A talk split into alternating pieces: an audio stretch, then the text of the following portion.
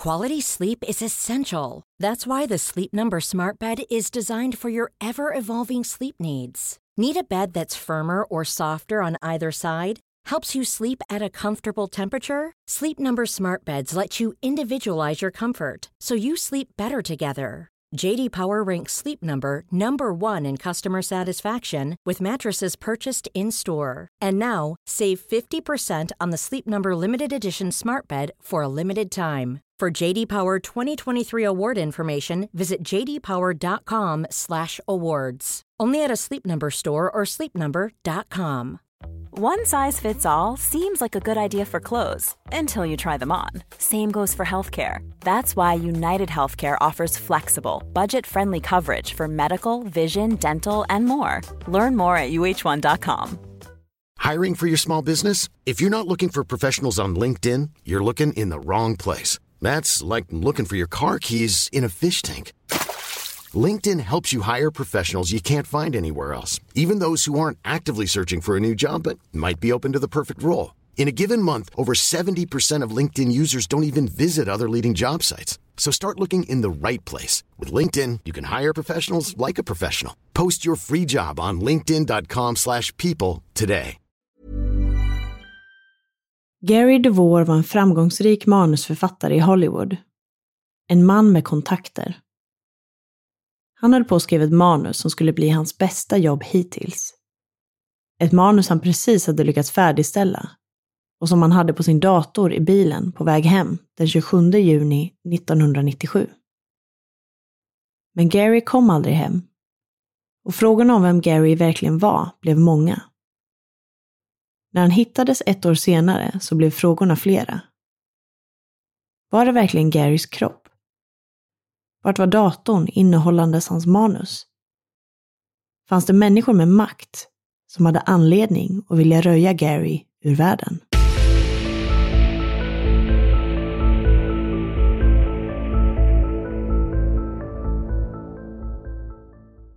Hej allihop! Mikaela här. Dags för ny vecka och nytt avsnitt av Rysapodden. Idag ska vi prata om ett fall som är så fullt av konspirationsteorier att man inte längre vet vad som är fakta och vad som är teori. Ett fall där man kastas mellan och känner att man vet vad som har hänt och sen landar i något helt annat. Nämligen fallet med Gary DeVore.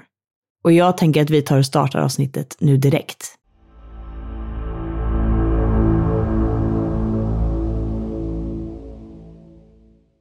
Den 27 juni 1997 befann sig en man vid namn Gary DeVore i Mojaveöknen. Han var på väg hem från Santa Fe i New Mexico till Santa Barbara i Kalifornien där han bodde. Det här var för den som inte är helt bekant med USAs geografi inte den kortaste av bilresor. Det tar drygt 13,5 timmar att köra. Men Gary kom aldrig hem den här dagen och hans öde har sedan dess varit inlindat i olika konspiratoriska teorier och gissningar. Men vi börjar med att berätta om Gary DeVore. Gary var vid tidpunkten för sitt försvinnande 55 år gammal. Han var en före detta lastbilschaufför som sedan blev en känd manusförfattare och producent. Som bland annat var känd för filmer som Dogs of War med Christopher Walken och Raw Deal med Arnold Schwarzenegger. Han umgicks med Hollywoodstjärnorna och var bland annat best man på Tommy Lee Jones bröllop 1981. Gary var en lång man som har beskrivits som ganska grov. Han hade skägg och klädde sig som en cowboy med den typen av hatt och skor. Han hade också ett väldigt utmärkande drag på sin högra hand. Hans lillfinger hade blivit skadat när han var ung i en fotbollsolycka och fingret växte liksom rakt ut från handen. Om man ser en bild på det här så är det som att fingret först går rakt uppåt och sen går den övre delen av fingret rakt ut. Det här är något som Gary aldrig valde att göra någonting åt för att enligt nära vänner så tyckte han att det såg häftigt ut. Han var också något av en kvinnokar som hade flera kända relationer. Han hade varit tillsammans med sångerskan Jen Jackson och sen hade han även varit gift fyra gånger. Första gången var med jazzsångerskan Maria Cole, som också var änka till den kända musikern Nat King Cole. Gary och Maria var gifta mellan 1969 och 1978. Sen gifte han sig med skådespelerskan Sandy Newton och de var gifta mellan åren 1981 och 1985. Därefter gifte han sig med skådespelerskan Claudia Christian 1988 till 1992. För att slutligen finna kärleken i skådespelerskan Wendy Oates, som senare kom att heta Wendy Duvore, när de gifte sig år 1996.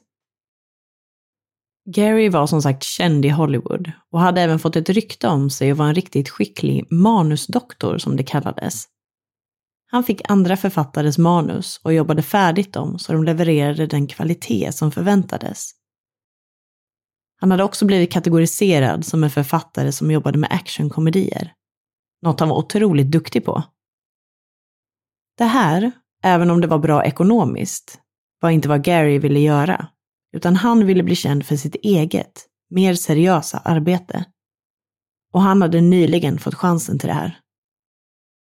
Han skulle få skriva ett nytt manus till en film som heter The Big Steal, som från början är skriven av Robert Mitchum och släpptes 1949. Det här skulle bli hans möjlighet att verkligen få ett erkännande som manusförfattare. Gary ska berättat för vänner att den här filmen skulle bli den största någonsin och att den skulle handla om USAs invasion av Panama som startade 1989. Och för att ge lite bakgrundsinformation där så handlar det här om att USA invaderade Panama för att störta deras general vid namn Manuel Noriega. USA, eller snarare CIA, hade en relation med Noriega bakåt i tiden, då han under 1970-talet blev en kontakt inom CIA. Han skulle då hjälpa CIA med spridningen av kommunismen i Centralamerika. Noriega blev sedan involverad i droghandel och samarbetet avslutades 1977 för att sedan på nytt återupptas 1979. Och år 1983 så blev Noriega diktator i Panama. Under 1980-talet så fanns det sedan ett samarbete mellan USAs regering och Noriega som avslutades 1988 med att Noriega blev åtalad i USA för droghandel och pengatvätt. I december 1989 skedde sedan på George H.W. Bush inrådan invasionen i Panama. Många människor förlorade livet under den här invasionen, framförallt på den panamanska sidan där flera hundra civila omkom. Noriega greps och åtalades. Och det här är ju väldigt kort sammanfattat, men det här är själva bakgrunden till det manus som Gary då skulle skriva ut från ursprungsfilmen, The Big Steal. Och det här var ett manus han hade kämpat med länge. Så när Gary lämnade Santa Fe den här fredagsförmiddagen, den 27 juni 1997, så hade han befunnit sig hemma hos en nära vän till honom, en skådespelerska vid namn Marcia Mason. Han åkte ofta dit när han hade kört fast med sitt skrivande, och det hade hjälpt. Han var äntligen klar med sitt manus.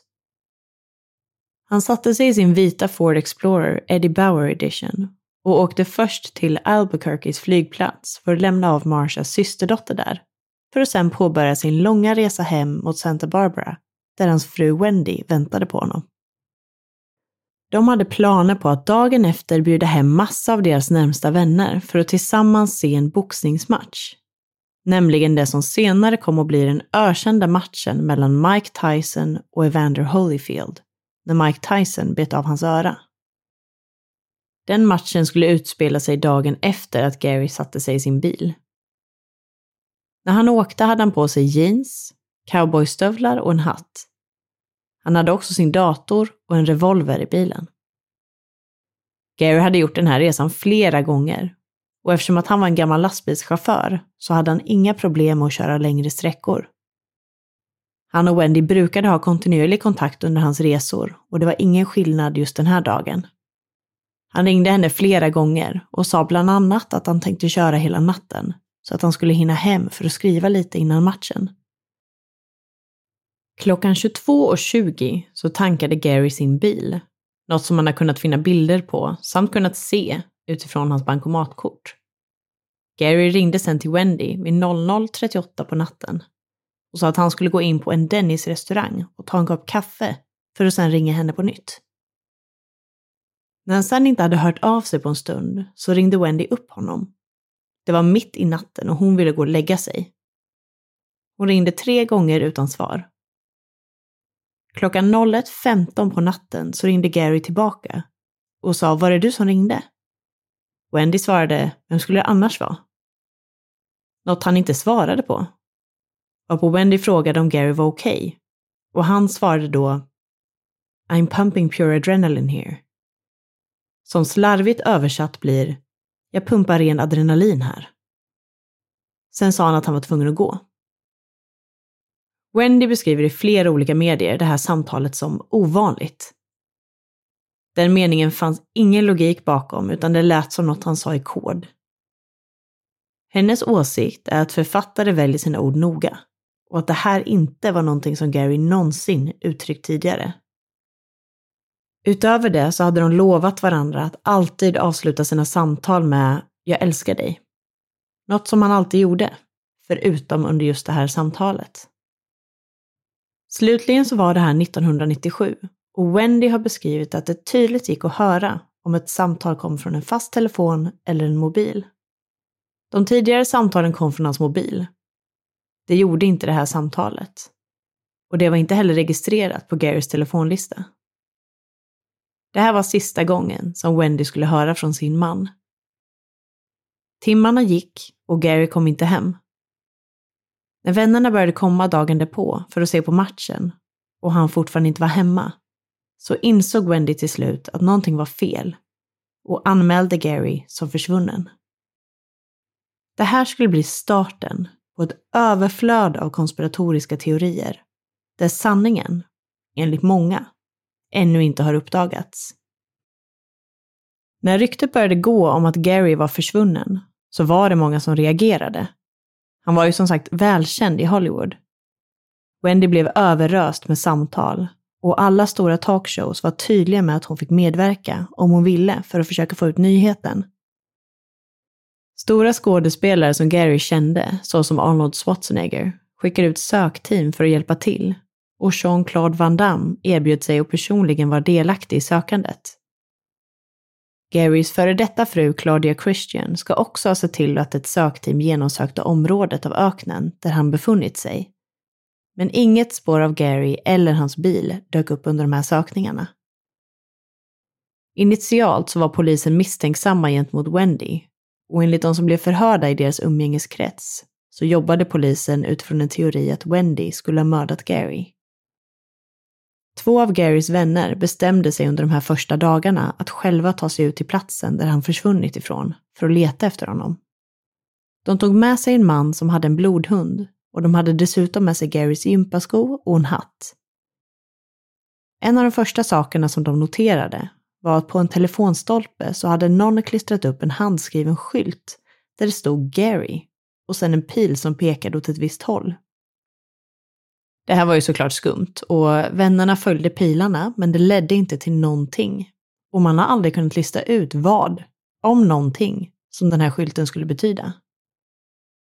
En av Garys vänner som var med vid den här sökningen pratar i poddserien Witnessed, Fade to Black, om att vid ett tillfälle så noterade blodhunden någonting, men att de då stötte på en polis som ifrågasatte vad de gjorde och sa sen att de befann sig på fel plats. I samband med att Gary försvann så började andra saker också hända. Jag tänker att bara faktumet att ens make försvinner såklart är konstigt, men det här var ytterligare ett lager av mystik. Bland annat berättar Wendy i den här poddserien att en nära vän till Gary, som heter John Irwin, besökte henne. John är regissör och han och Gary jobbade ihop på flera filmer. Han var lite av en mentor för Gary och var den som gav honom hans första jobb. Sedan dess hade de haft en nära relation till varandra och kontinuerlig kontakt. Wendy hade ju träffat honom vid flera tillfällen, men John bodde i England och brukade besöka dem i samband med att han var i sitt semesterhus i USA. Men han dök bara upp hemma hos henne en dag i samband med försvinnandet. Han sa att han inte ville prata med henne över telefon och att han inte ville komma in i huset, utan han ville att hon skulle följa med honom i hans bil. De satte sig därför i hans bil och körde till en ganska avlägsen plats. Där berättar Wendy att John ska ha sagt till henne att det här inte var ett vanligt fall av en försvunnen person och att han ville att hon skulle veta det. Han ska också ha sagt att han inte kunde skydda henne och att han måste lämna landet under en tid, men att han hade bett en kontakt till honom och kontakta Wendy för att hjälpa henne. En person som varit högt uppsatt i regeringen i USA. En man vid namn Frank Thorwald. Om man googlar på honom så beskrivs hans karriär, där han bland annat har jobbat som senior rådgivare åt president Reagan och Bush och två justitiekansler. Frank tog några dagar senare kontakt med Wendy och har sedan dess hjälpt henne med att försöka finna svaren kring vad som hände med hennes man. Och det här fick ju såklart Wendy att undra över vad det var som faktiskt hände. Det fanns rykten kring John som Wendy inte hade lagt så mycket tanke bakom sedan tidigare. Rykten om att John skulle haft kopplingar till MI5, den brittiska versionen av CIA kan man säga, underrättelsetjänst.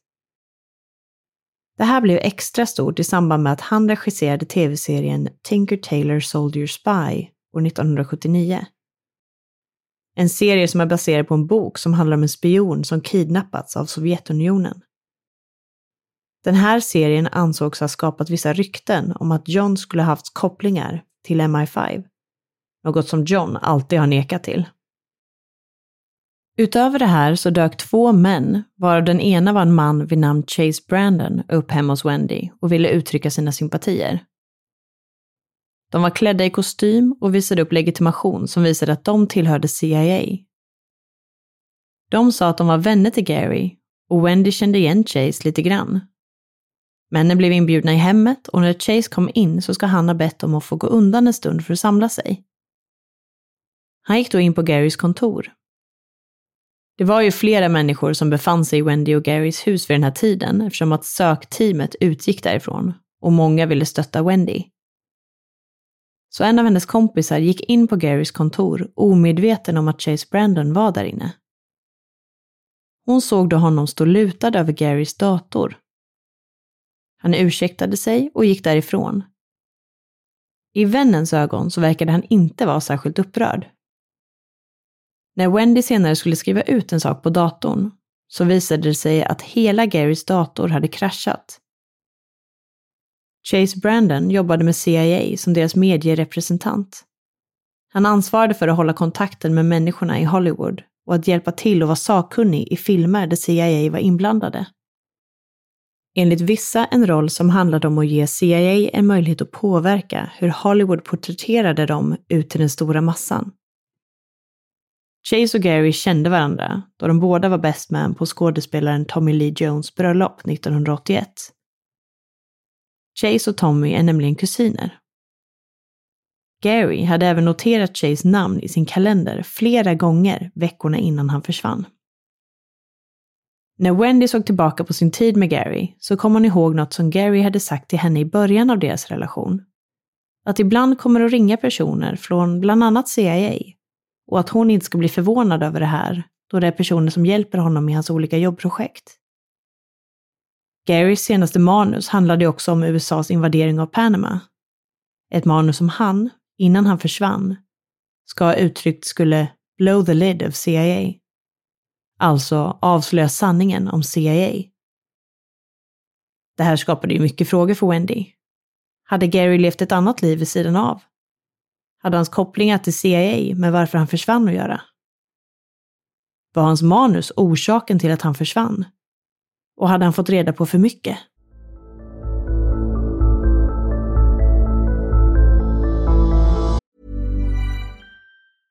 I'm Sandra, and I'm just the professional your small business was looking for. But you didn't hire me because you didn't use LinkedIn jobs. LinkedIn has professionals you can't find anywhere else, including those who aren't actively looking for a new job but might be open to the perfect role, like me. In a given month, over 70% of LinkedIn users don't visit other leading job sites. So if you're not looking on LinkedIn, you'll miss out on great candidates like Sandra. Start hiring professionals like a professional. Post your free job on linkedin.com/people today.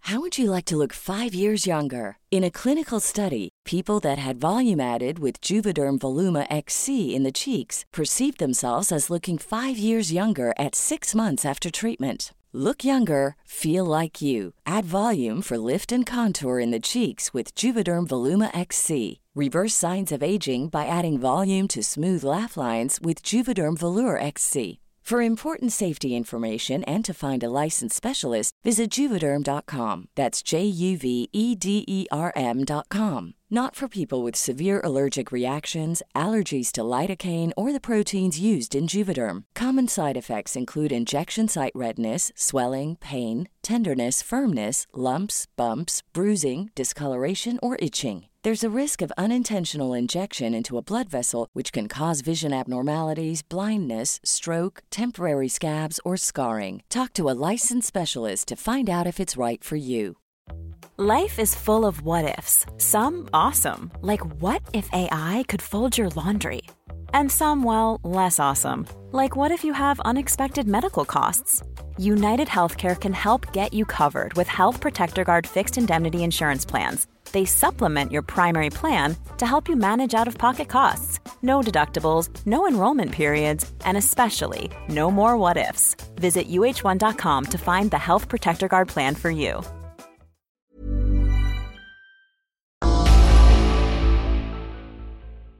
Efter ett års tid så sker ett genombrott. En advokat och hobbydetektiv som hade läst om mysteriet med den försvunna manusförfattaren hade gjort research och hans slutsats var att Gary sannolikt hade försvunnit i öknen genom att han hade kört ner i den akvedukt som finns i området och att det här skulle ha skett vid en av de övergångar där man kör över akvedukten via en bro. Han sökte därför igenom den delen av akvedukten där han tänkte att Gary borde ha kört av och hittade då delar av en lampa till en bil som visade sig tillhöra en Ford Explorer, samma märke som Garys bil. Han skrev sedan en detaljerad rapport till Wendy och personer i hennes närhet, som i sin tur bad polisen att söka i området, vilket de också gjorde. De fann då Garys bil, och när de tog upp bilen så fann de vad som fanns kvar av Garys kropp sittande i förarsätet. Man kunde bekräfta att han hade de kläder på sig som han hade haft vid försvinnandet. Man kan såklart tro att det här skulle kunna vara ett avslut för en sörjande änka. Men det här startade bara upp fler frågor för Wendy. Det finns en hel del saker kring hur man fann Gary som är konstigt och som har spett på teorierna om att det ligger mer bakom försvinnandet än vad man kanske vet. Om vi tar de här grejerna lite från början så satt Gary i förarsätet när bilen drogs upp ur akvedukten. Men hans händer saknades. Det här gjorde ju det hela lite jobbigare för Wendy, eftersom att Gary hade ett väldigt tydligt drag. Hans lillfinger. Att hans händer nu saknades gjorde ju att hon hade väldigt svårt att acceptera att det här var Garys kropp. Och i och med att det här fallet är så fullt av diverse konspirationsteorier så har konspirationerna och sanningen i vissa fall blandats, vilket gör det svårt att veta exakt vad vi kan kalla för fakta och inte. Så det finns olika versioner om att man bland annat ska ha hittat vissa skelettdelar som var fingerben, men att de här sen ska ha visat sig vara över hundra år gamla. Men vad som stämmer i det får jag låta vara osagt.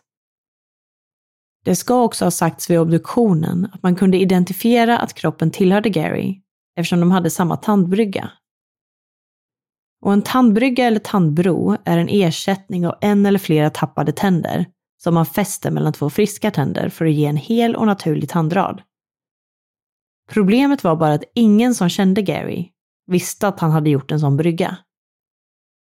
En av hans nära vänner som pratar i den här poddserien som jag nämnde tidigare säger att han är bekant med Garys tandläkare och han kände inte heller till att Gary skulle ha gjort någonting sånt.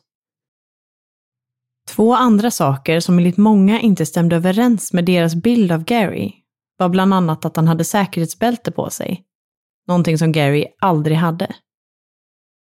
Han hade också sin plånbok i sin bakficka på byxorna. Även det här någonting som Gary aldrig hade. Han hade som sagt jobbat som lastbilschaufför och han visste att om han sitter på plånboken så skapar det skador för ryggen när man åker längre sträckor.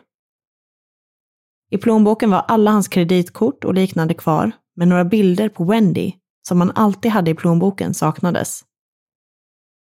Två ytterligare saker som saknades var hans dator med hans färdigskrivna manus samt hans revolver. Även det här skapade frågor. En teori har ju varit att Gary fortfarande lever, vilket Wendy tror, och att om han nu gör det så kanske han valde att ta med sig de här bilderna. Men sen tänker jag att man kan spekulera åt andra hållet också, vilket många poddar gör. Bilderna har kanske upplösts under ett års tid i vatten. Och vad gäller händerna så är ju det någonting som många lägger stort fokus vid. Det är för många omöjligt att förklara.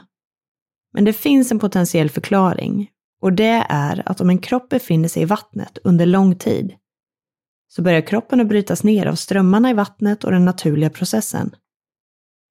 Då är det lemmar såsom händer och fötter som först lossnar från kroppen. Det kan alltså ha varit så att det finns en enkel förklaring till att Gary saknade sina händer. Samtidigt så undrar ju folk varför hans dator och revolver saknades från bilen. Och det är ju svårare att svara på utifrån det här. En annan sak som får folk att tvivla på att det här bara var en olycka var hur hans bil hittades. Och jag ska försöka att förklara hur det såg ut på den här platsen, men det var två vägar. En som gick åt ena hållet och en åt andra. Och de här var separerade med räcken. Och det var två separata vägar med mellanrum mellan där det var öppet ner mot akvedukten. Det som då var så konstigt var att hans bil hittades i riktning åt fel håll. Alltså inte åt det håll som bilen bör vara om han var på väg hemåt och hade kört ner i akvedukten. Utöver det här så var hans ljusinställningar som så att ljusen på bilen var av. Han hade alltså kört i öknen mitt i natten utan ljusen påslagna. Det som den slutliga rapporten föreslog var då att Gary ska, av oklara anledningar, ha gjort en U-sväng i mörkret när han kommit över akvedukten och då tänkt att han körde upp på den motsatta körbanan, men istället missat den och kört rakt ner i vattnet. I samband med att de lyfte ut bilen från akvedukten så såg en av poliserna att det flög en svart helikopter ovanför platsen. Han bad då en av kameramännen som var med journalisterna att zooma in på helikoptern för att se vart den var ifrån. När kameramannen gjorde det så såg de att den inte hade någon märkning och att samtliga passagerare i helikoptern var svartklädda. Den flög då iväg. Ett par dagar senare så ringer en person till polisen, presenterar sig och säger att han är från flygbasen som ligger inte långt ifrån platsen där Gary hittades och att det var de som flög över platsen.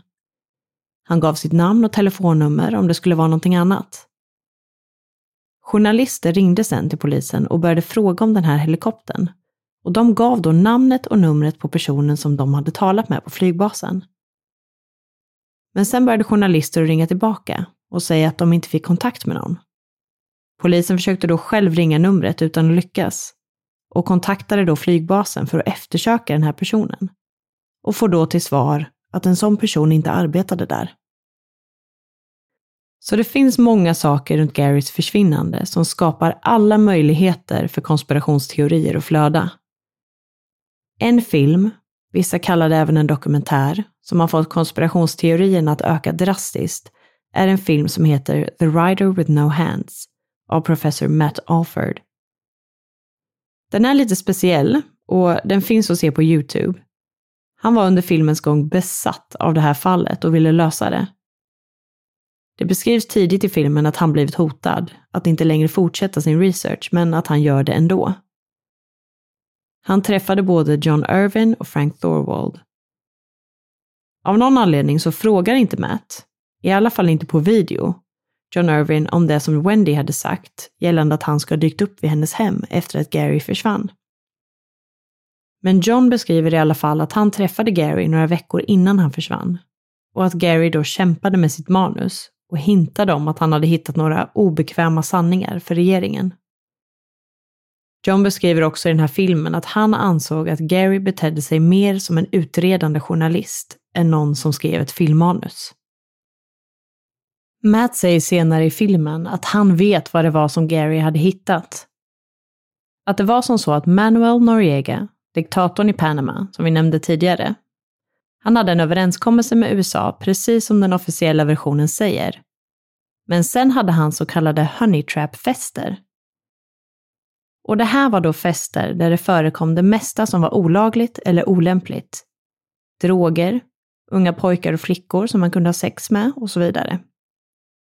Och att allt det här filmades och så bjöd han in högt uppsatta personer inom den amerikanska regeringen och hade sedan hållhake på dem. Det här skulle då ha varit den verkliga anledningen till att USA invaderade Panama. Matt berättar också i den här filmen att han hittade en gammal nyhetsartikel om att Noriega hade sådana här fester, men att artikeln hade tagits bort från internet och att det här var en papperskopia i ett bibliotek. Enligt Matt så ska den här historien ha begravts direkt och personen som skrev artikeln ska ha blivit skjuten. Något jag inte har kunnat styrka.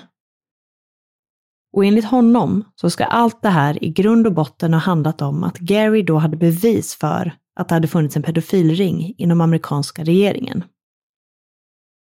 En sak till som sker i den här filmen är att de tar kontakt med en man som hette Michael Sands som var Garys publicist. Han och skaparen av filmen, Matt, hade kontakt i början av hans efterforskningar. Och sen när Matt åkte till USA så valde han att åka till Michael för att han verkade sitta på mycket information. Det råkade också vara så att Michael själv utgav sig för att ha jobbat inom CIA tidigare, vilket gjorde att Gary hade ytterligare en CIA-koppling i sitt liv.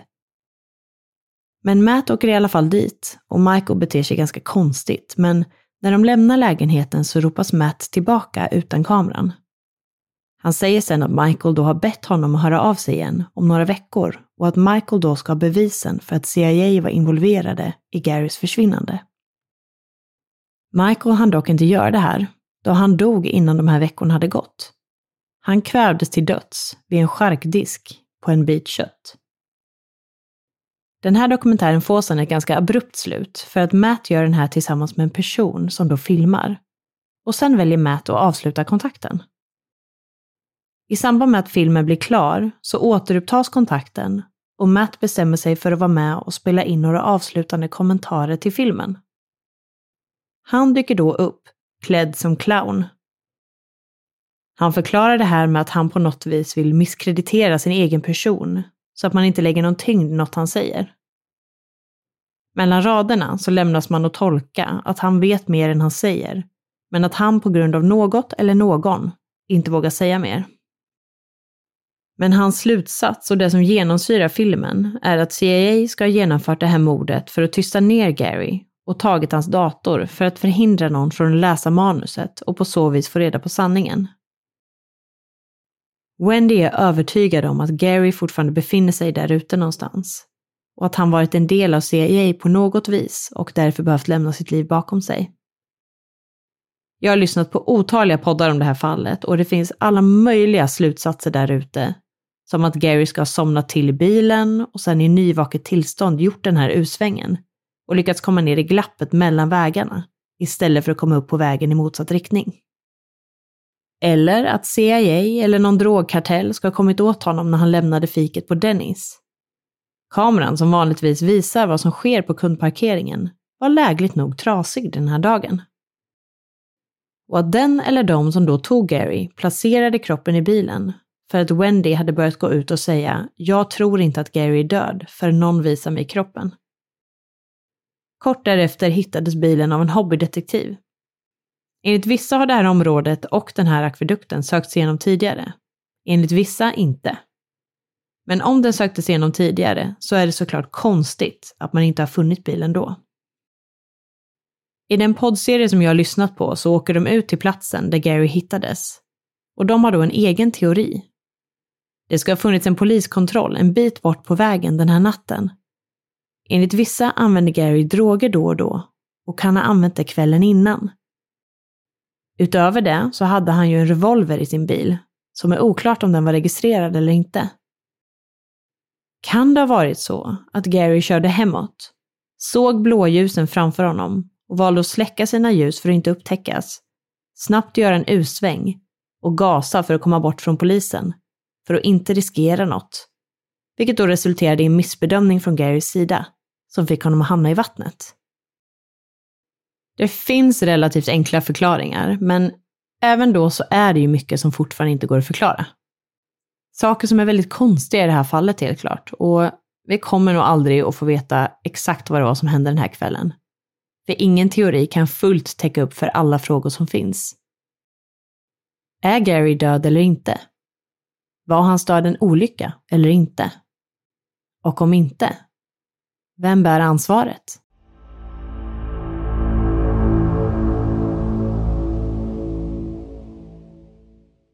Ja, det här är ett skumt fall.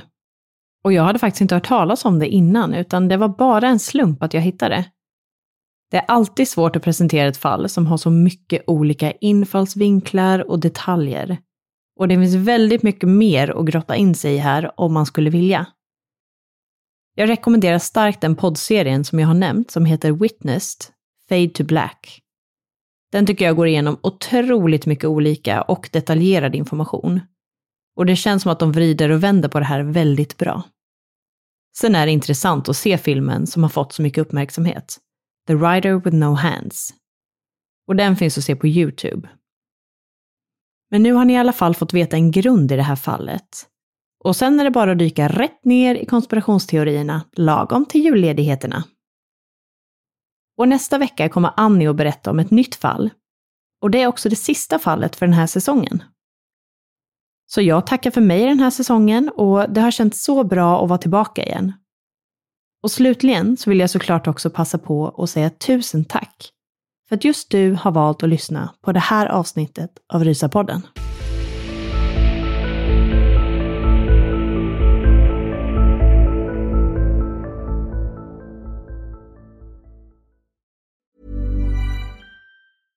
Hey, it's Paige DeSorbo from Giggly Squad. High quality fashion without the price tag. Say hello to Quince. I'm snagging high-end essentials like cozy cashmere sweaters, sleek leather jackets, fine jewelry, and so much more. With Quince being 50 to 80% less than similar brands. And they partner with factories that prioritize safe, ethical, and responsible manufacturing. I love that. Luxury quality within reach. Go to quince.com slash style to get free shipping and 365 day returns on your next order. Quince.com slash style.